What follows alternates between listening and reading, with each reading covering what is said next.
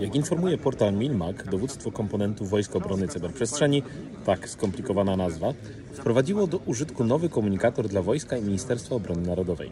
Ma on zapewnić bezpieczną komunikację tak tekstową, jak i audiowizualną. Wspiera też czaty grupowe i wideokonferencje, wymiany plików czy udostępnienie ekranu, czyli takie nasze narodowe Teamsy. Ma on docelowo służyć do wymiany informacji jawnych, a więc właśnie zastąpić narzędzia pokroju wspomnianych Teamsów czy innych Zoomów, które pewnie do tej pory często wykorzystywano w tej roli. I tu ciekawostka. Merkury oparto o otwarty protokół Matrix, zapewniający m.in. szyfrowanie end-to-end. Tak, dokładnie ten sam protokół, z którego korzystam do rozmów z patronami mojego kanału.